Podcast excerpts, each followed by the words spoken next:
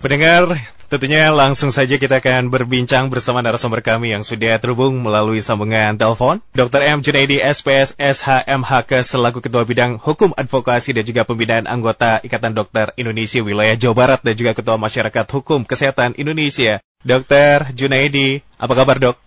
Kabar baik. Sehat ya dok ya, Alhamdulillah. Alhamdulillah ya. Baik, jadi memang di masa pandemi COVID-19 memang akan berhubungan dengan aplikasi ataupun platform online. Begitupun Ya, dengan betul. konsultasi saat ini dari pasien kepada dokter. Begitu ya, Ya. dok ya. ini ada yang namanya telemedicine Indonesia. Kita akan membahas itu bersama dokter ya, dok ya. Dan juga Ya, membuka oke. untuk sesi tanya jawab bersama pendengar. Silakan untuk Anda yang ingin konsultasi langsung bersama Dokter Junaidi di WhatsApp di 0811210298. Dokter, kita langsung mulai. Oke. Telemedicine Indonesia, silakan. Ya, jadi gini, telemedicine itu berasal dari kata tele yang artinya jauh, kemudian medis yang berhubungan dengan kesehatan, berhubungan dengan obat. Ya. Medicine sendiri adalah obat pengobatan. Jadi telemedicine itu dapat diterjemahkan sebagai pengobatan jarak jauh, pemeriksaan pengobatan jarak jauh seperti itu. Jadi pemeriksaan kesehatan jarak jauh begitu ya dengan Ya, tentunya bantuan platform ataupun media begitu ya. ya. Karena kalau misalkan lewat telepati nggak bisa ya dok. Nah, itu dari hati ke hati Dari bisa. aduh dari hati ke hati baik. baik dokter, ini sebetulnya Ya. mengenai hal tersebut di Indonesia apakah menjadi hal baru atau sebetulnya di dunia pun demikian gitu. Ini baru dipublikasikan saat pandemi ini. Sebelumnya sudah ada sih, tapi biasanya dipakai untuk antar kota atau antar benua kayak gitu. Hmm. Jadi saya cerita sedikit. Boleh, tahun 90-an itu Mhm. dokter-dokter di Amerika itu sudah meminta bantuan dokter lain, contohnya misalkan dokter di India Iya. untuk membaca hasil ronsen, hasil CT scan, hasil MRI. Eh, karena jumlah tenaga di sana kurang, Mhm. Maka mereka minta tolong ke kesehatan lain yang sudah mereka percaya istilahnya ya. Nah, mereka minta tolong dengan dokter India. Jadi gambar itu dikirim lewat satelit. Gambar citra itu dikirim lewat satelit, kemudian dibaca, kemudian Hmm. jawaban itu dikirim lagi ke ke rumah sakit yang meminta. Jadi antar lembaga, antar negara kayak gitu. Nah, sekarang ini di zamannya corona ini hal-hal semacam itu lebih intens, lebih lengkap, lebih menyeluruh gitu. Bukan hanya pembacaan hasil laboratorium, tapi juga bisa yang lain.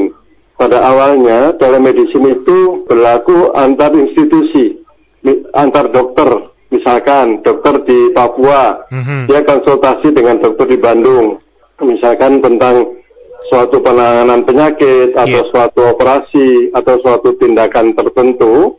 Nah, eh, dokter di Papua bisa menanyakan atau meminta bimbingan kepada dokter di Bandung Mhm. bagaimana cara menangani atau mengerjakan suatu kesulitan yang dialami oleh mereka di daerah. Nah, dokter di dokter di Bandung memberikan panduan, misalkan sedang berlangsungnya operasi nih kayak gitu. Nah, dengan lewat eh, peralatan, Iya. nah, itu dokter di Papua bisa menanyakan kepada dokter di Bandung dan dokter di Bandung bisa melihat bagaimana kesulitan atau kondisi operasi waktu itu kayak Mhm. gitu. Mhm. Nah, kemudian dokter di Bandung memberikan arahan yang dipotong ini, yang dianu ini gitu. Seperti itu awalnya. Nah, Iya. kemudian mungkin Kak Regi sudah pernah mendengar aplikasi-aplikasi macam Halodoc, Iya, iya. Halodoc, Mhm. Mhm. kemudian yang dipakai oleh El Sinta tiap malam itu Iya. eh, itu juga nah, itu perkembangan-perkembangan ya. Nah, aturan waktu sebelum terbit aturan-aturan baru di tahun 2020 ini, waktu itu hanya konsultasi kesehatan ataupun menyangkut hal-hal yang tidak spesifik, tidak khusus kayak gitu. Jadi eh, tidak memberikan saran terapi yang khusus, hanya anjuran.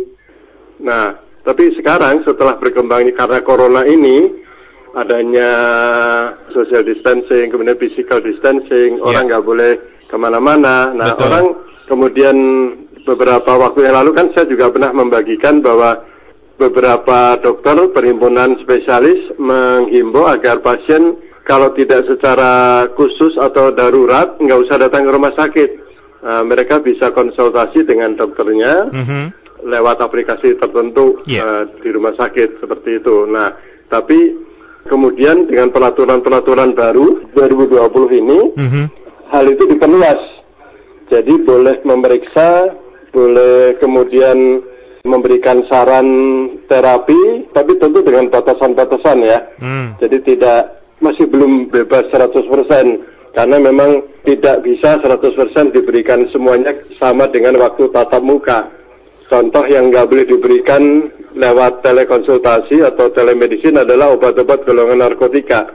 Nah, obat-obat golongan narkotika ini nggak bisa diberikan secara bebas seperti itu, begitu. Baik dokter, terima kasih. Ya, terima kasih dokter. Ini tentunya dari sejarah terus juga bagaimana perkembangan telemedicine ini juga dilaksanakan di Indonesia. Jadi pada asal mulanya memang tentunya dari tenaga kesehatan ke tenaga kesehatan untuk saling support, berbagi informasi, atau mungkin saling membantu. Demikian. Tapi di tengah pandemi COVID-19 ini justru memang hal seperti ini dilakukan langsung dari tenaga kesehatan kepada pasien ataupun kepada masyarakat.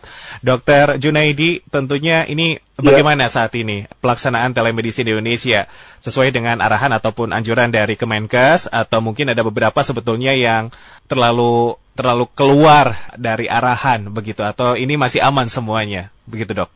Uh, Oke, okay. sejauh ini sih masih cukup aman ya. Yang berbahaya itu kalau memberikan saran terapi ya atau pemeriksaan yang tidak lengkap. Mm -hmm, mm -hmm.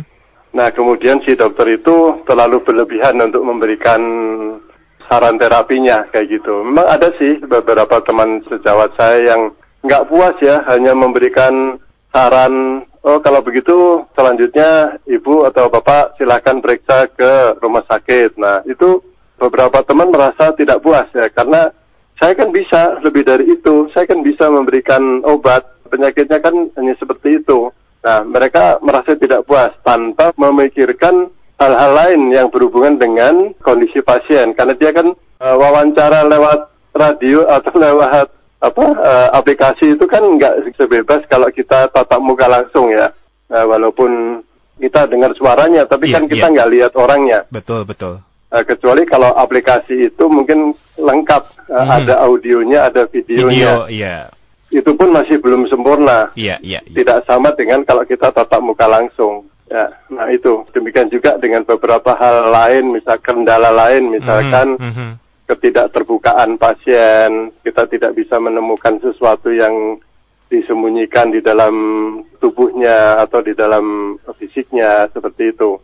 Jadi kalau ditanyakan perkembangan selama ini ya selama ini sih masih aman ya, tapi uh, untuk berkembang lebih jauh lagi supaya mendekati seperti kalau kita tatap muka, seperti kalau kita memeriksa fisik itu masih jauh karena masih memerlukan bantuan alat-alat ya, misalkan alat-alat yang terkalibrasi. Makanya sekarang ini sudah lebih boleh antara fasilitas kesehatan dengan pasien.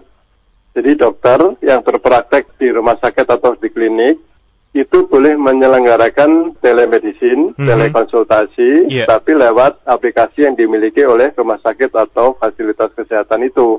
Jadi bukan atau belum dokter misalkan praktek di rumah sendiri, mm-hmm, kemudian mm-hmm. dia melayani konsultasi uh, terutama dengan pasien-pasien baru yang dia belum kenal. Yeah, nah, yeah. Itu, itu masih belum belum bebas lah istilahnya kayak gitu. Ya, jadi masih dibatasi dokter yang bekerja di rumah sakit atau atau di fasilitas kesehatan mm-hmm. dengan mhm. pasien. Mm-hmm. Jadi ada tempat sarana yang tempat dia bekerja di situ kayak gitu. Jadi belum bisa uh, dokter praktek di rumah melayani pasien ya, terutama pasien baru. Kalau pasien lama mungkin itu sudah biasa ya, itu pribadi kan istilahnya gitu, tidak terbuka. Nah, yang dimaksud dengan telemedicine ini lebih ke arah terbuka gitu. Jadi bukan hanya pasien lama, pasien-pasien baru juga gitu. Nah itu bisa dilayani lewat fasilitas kesehatan, klinik, puskesmas ataupun rumah sakit. Demikian. Jadi tentunya memang dalam hal ini merupakan inovasi teknologi begitu ya dok ya, memfasilitasi ya. dan memudahkan terutama dalam kondisi pandemi. Namun tentunya aturan dan syarat juga tetap harus uh, berlaku begitu ya dok ya supaya ya, tidak melewati. Jadi istilah kita minjem syarat-syarat yang di bank itu, syarat ya. dan ketentuan berlaku kayak gitu. betul betul betul. Ya. Jadi uh, dalam hal ini siapa saja yang bisa konsultasi tentunya seluruh masyarakat dan keluhan apa dok yang masih bisa tentunya masih aman untuk menggunakan uh, fasilitas telemedicine ini? Sebetulnya sih semua keluhan boleh ya. Boleh. Okay. Kan kalau semua keluhan boleh dikonsultan kepada dokternya kayak mm -hmm, gitu. Nah mm -hmm. nanti tinggal pasien itu menghubungi nomor misalkan rumah sakit nih, mm -hmm, uh, menghubungi mm -hmm. nomor telekonsultasi telemedicine di rumah sakit itu, yeah. kemudian dia memilih ada ya yang memilih atau dia menyebutkan dulu dia pengen ke dokter siapa kayak mm -hmm, gitu mm -hmm. atau uh, dia menyebutkan keluhannya nanti pihak pihak rumah sakit itu yang menentukan oh kalau keluhan ini berarti dok konsulnya ke dokter ini kayak okay. gitu nah mm -hmm. nanti akan lebih baik apabila dibuat perjanjian kalau dia milih dokter, itu dibuat perjanjian. Kapan bisa ketemu dengan dokter ini, jam berapa, seperti itu, janjian dulu. Tapi kalau misalkan kasusnya emergensi, eh, dianggap emergensi, dia bisa langsung konsultasi di situ. Di situ selain operator juga mungkin ada uh, dokter jaga istilahnya ya, dokter jaga yang men-screening atau melayani awal kayak dokter jagalah yang melayani awal dulu apa keluhannya bagaimana penyakitnya semuanya lah. Jadi mulai dari anamnesa kemudian kalau bisa sih pasien juga menyebutkan kalau bisa itu ya uh, kalau di rumah punya kan sekarang banyak uh, termometer misalkan. Yeah, si yeah. pasien suruh ngukur dulu uh, berapa panas tubuhnya. Kalau memang keluhannya ada panas. Kemudian kalau memang pasien itu punya alat tensimeter digital. Nah, mereka suruh mengukur sendiri misalkan gitu. Tapi kalau memang pasien itu nggak punya termometer, nggak punya alat, nggak punya peralatan, ya kita konsultasinya seperti yang klasik ya, seperti yang awal gitu. Jadi apa apa keluhan-keluhannya, kemudian kira-kira apa. Nah, kemudian saran dari dokter yang ada di fasilitas itu boleh menjalankan pembelian obat-obat uh, yang aman, misalkan obat untuk penurun panas, obat penghilang sakit, katakanlah obat-obat bebas lah seperti itu. Itu masih bisa disarankan oleh dokter yang jaga itu, dokter jaga di telemedicine itu. Nah, tapi kalau misalkan dokter jaga di telemedicine itu menganggap bahwa pasien itu memerlukan uh, pemeriksaan lanjutan yang lebih, ya, tentu dianjurkan datang ke rumah sakit atau vaskes. Ya, demikian. Baik dokter, lalu bagaimana setelah konsultasi dilakukan dan tentunya nanti dokter kan akan langsung meresepkan obat. Nah, dalam pengambilan ya. obat ini teknisnya seperti apa yang memang sesuai dengan arahan dari Kemenkes? Tentang pengambilan pengiriman obat itu juga ada tata caranya. Jadi prescribing namanya penulisan resep mm -hmm. pemberian obat itu yeah. ada ada tata caranya. Jadi nanti misalkan makanya kalau lebih bagus kalau lewat rumah sakit ya. Jadi nanti dari dokter yang ada di telemedicine yang dokter jaga virtual ya istilahnya dokter jaga daring itu akan memberikan saran. Nah nanti si dokter itu kan kalau di rumah sakit kan sudah tercatat tuh ada rekam medisnya. Apakah rekam medis manual ditulis atau rekam medis elektronik?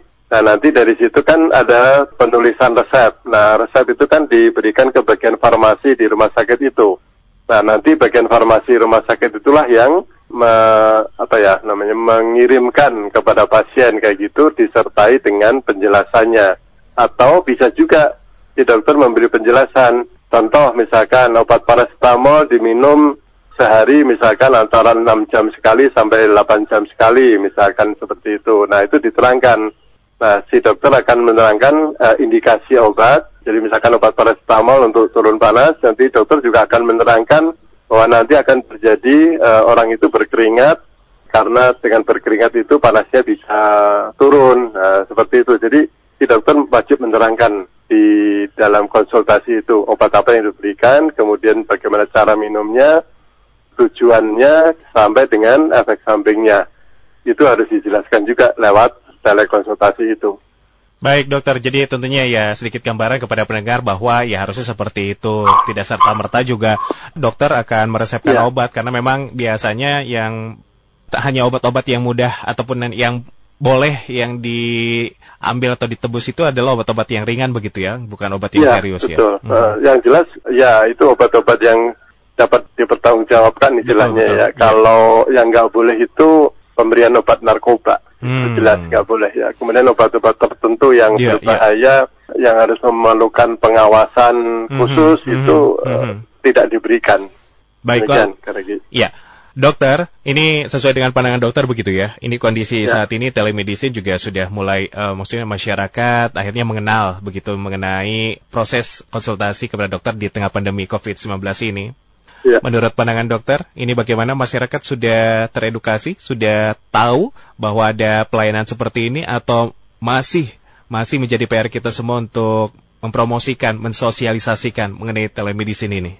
Ya, jadi sebagian sudah tahu ya, sebagian sudah tahu, sebagian sudah ngerti, sebagian bahkan sudah memakai aplikasi itu bahkan sebelum kasus corona ini, yeah. sebelum kasus COVID-19 ini mm -hmm, sudah kan aplikasi-aplikasi itu betul, udah betul. banyak ya. Mm -hmm. Ada yang besar, ada yang besar sekali, ada yang baru muncul, ada yang baru merintis kayak gitu. Jadi sudah mulai ya, tapi belum semuanya gitu dan mungkin kalau di daerah-daerah tertentu itu tentu masih sulit ya karena satu untuk mengakses internet itu juga atau mungkin jaringan ya jaringannya nggak mendukung nah, dia nggak bisa konsultasi lewat uh, apa lewat peralatan misalkan lewat HP gitu belum bisa. Nah jadi sebagian sudah sebagian belum.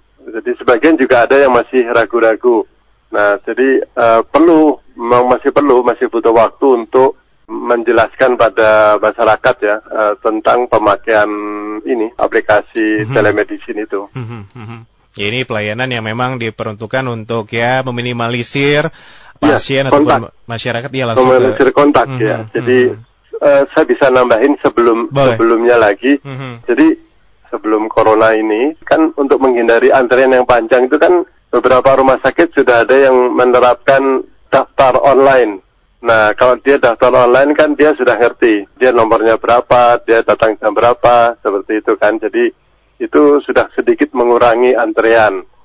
Nah, dengan adanya COVID ini, dengan orang hanya boleh datang ke rumah sakit kalau untuk emergensi, itu antrean-antrean juga sudah berkurang. Nah, untuk pasien-pasien yang berobat rutin, kalau dia tidak ada keluhan yang tambahan, tidak ada kelu tidak memburuk kondisinya, kondisinya stabil atau membaik, di mana dia harus minum obat rutin, maka dia cukup memakai aplikasi itu untuk memesan obat-obat lanjutan ya di rumah sakit. Atau mungkin ada jalur sendiri bukan lewat telemedicine tapi ada jalur sendiri. Jadi uh, si pasien bisa memesan obat untuk dia tinggal mengambil atau mungkin rumah sakit ngirim ke rumah pasien itu itu sudah ada. Jadi ini di luar telemedicine. Ya, itu, itu sudah ada. Itu itu bertujuan untuk mengurangi antrian. Dan itu saya kira bagus sekali. Nah dengan berlakunya social distancing sama physical distancing itu itu lebih bagus lagi. Karena memang betul-betul sekarang ini banyak orang yang takut datang ke rumah sakit Ya, jadi selain himbauan, mereka juga takut sendiri kayak gitu sehingga mereka mungkin lebih memakai menerapkan uh, telemedicine ini. Baik dokter, terima kasih dan kita lanjut dengan pertanyaan dari pendengar yang memang sudah masuk di WhatsApp Silakan. kami di 0811 dan ada Rizwan di Cijerah. Ini mau bertanya apakah ya, bila konsultasi online ini kita bisa meminta resep obatnya kepada dokter? Apakah hal itu diperbolehkan? Terima kasih. Ini ya, jadi uh, setelah konsultasi, mm -hmm. setelah ketemu dengan dokternya, setelah yeah. si dokter melakukan serangkaian pertanyaan, ditambah mungkin serangkaian pemeriksaan ya uh, yang sebisa mungkin yang dilakukan oleh dokter itu, mm -hmm. dokter itu berhak memberikan saran pengobatan atau kalau sekarang boleh memberikan saran resep obat istilahnya gitu, okay. yang bisa dibeli oleh pasiennya. Sekarang udah bisa seperti itu, tapi tidak semua obat. Jadi hanya obat-obat tertentu yang mm -hmm. katakanlah aman gitu, itu bisa diberikan oleh dokter kepada pasien yang melakukan konsultasi lewat telemedicine itu. Oke, baik demikian uh, Pak Rizwan. Selanjutnya ada salam sejahtera dok saya Sandra di Turangga. Mbak Sandra apa kabar? Dok saya mau bertanya, Di ya.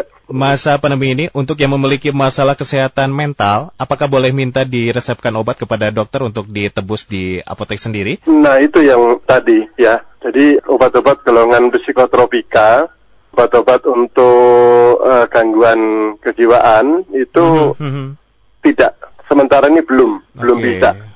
Jadi masih harus ketemu, harus bertemu, harus tatap muka dulu kayak gitu ini yang masih jadi kendala ya. Mm-hmm, jadi mm-hmm. walaupun dia itu mungkin pasien yang sudah lama berobat di rumah sakit itu, yeah, yeah. Uh, dan obatnya sudah rutin. Nah, tinggal apa? Tinggal ngambil, tinggal berpanjang. Tapi uh, masih terhalang, masih terhalang aturan. Jadi uh, untuk obat-obat psikotropika itu tidak bisa diberikan online. Oke baik, jadi demikian Mbak Sandra ya, karena ini pengecualian kalau obat yang mengandung psikotropika ya harus datang langsung ya dok ya, tidak bebas. Ya, betul, jadi harus harus datang langsung ketemu dulu. Oke. Okay. Uh, kemudian apalagi kalau pasien baru ya, pasien mm -hmm. baru mm -hmm. tetap harus melalui serangkaian pemeriksaan. Iya. Yeah. Jadi memang harus tetap konsultasi secara langsung demikian. Ya. Baik, terima kasih dokter telah menjawab uh, interaksi dari pendengar dan selanjutnya juga tentunya silakan di akhir perbincangan kita pada kesempatan hari ini. Closing statement yang disampaikan dok, silakan. Terima kasih. Uh, jadi gini, uh, saya Dr. Junaidi. Saya untuk yang berhubungan dengan pemanfaatan teknologi ini, saya berharap pendengar Radio Fit bisa uh, memanfaatkan telemedicine ya. Jadi konsulta telekonsultasi dan sekarang ini telekonsultasi sudah selangkah lebih maju dibandingkan dengan sebelumnya. Walaupun belum memuaskan semua pihak, tapi sudah selangkah lebih maju daripada sebelumnya. Ini berdasarkan peraturan-peraturan yang dikeluarkan baik oleh surat edaran Menteri Kesehatan nomor HK 0201 Menkes 303 2020 itu sudah selangkah lebih maju. Ya, kemudian juga ada peraturan dari Majelis Kehormatan Etik Kedokteran. Itu juga fatwa layanan telemedicine dan konsultasi daring ya khususnya di masa pandemi COVID-19. Tiga peraturan itu sudah cukup memberikan angin segar istilahnya, angin segar. Eh, demikian juga dengan peraturan dari Balai POM nomor 8 tahun 2020 tentang pengawasan obat dan makanan yang diedarkan secara daring. Itu juga ada. Jadi tiga aturan itu lumayan sudah menunjukkan selangkah lebih maju dibandingkan dengan kondisi yang sebelumnya. Ya, tentu kembali yang tadi uh, Kang Regi. Jadi ada yeah. syarat dan ketentuan yang harus dipenuhi. Demikian. Baik, Dokter Junaidi, terima kasih untuk waktunya pada kesempatan hari ini untuk bergabung bersama kami dan telah memberikan ya. informasi ya. yang bermanfaat ini ya. mengenai telemedicine Indonesia. Dokter, ya. terima Saya kasih. Kira hmm, mungkin belum begitu memuaskan untuk keterangan ini, ini hanya sebagai pendahuluan. Nanti uh, lain kali kita ketemu lagi mungkin ada perkembangan baru atau langkah siap, yang lebih siap. baru yang lebih memuaskan kayak gitu. Siap, pasti nanti diupdate dan tentunya kami tentunya meminta dokter untuk kembali berkenan untuk menyempatkan waktunya ya, Oke, okay? baik. Bisa. Siap, itu pasti. Ya. Dokter, terima kasih selamat beraktivitas, selamat ya. menekan ibadah puasa juga salam hangat kepada keluarga di rumah. Demikianlah pendengar bersama Dokter M Junaidi, SPS SHMHK selaku Ketua Bidang Hukum Advokasi dan Pembinaan Anggota Ikatan Dokter Indonesia Wilayah Jawa Barat dan Ketua Masyarakat Hukum Kesehatan Indonesia yang telah bergabung memberikan informasi kepada Anda mengenai telemedicine Indonesia.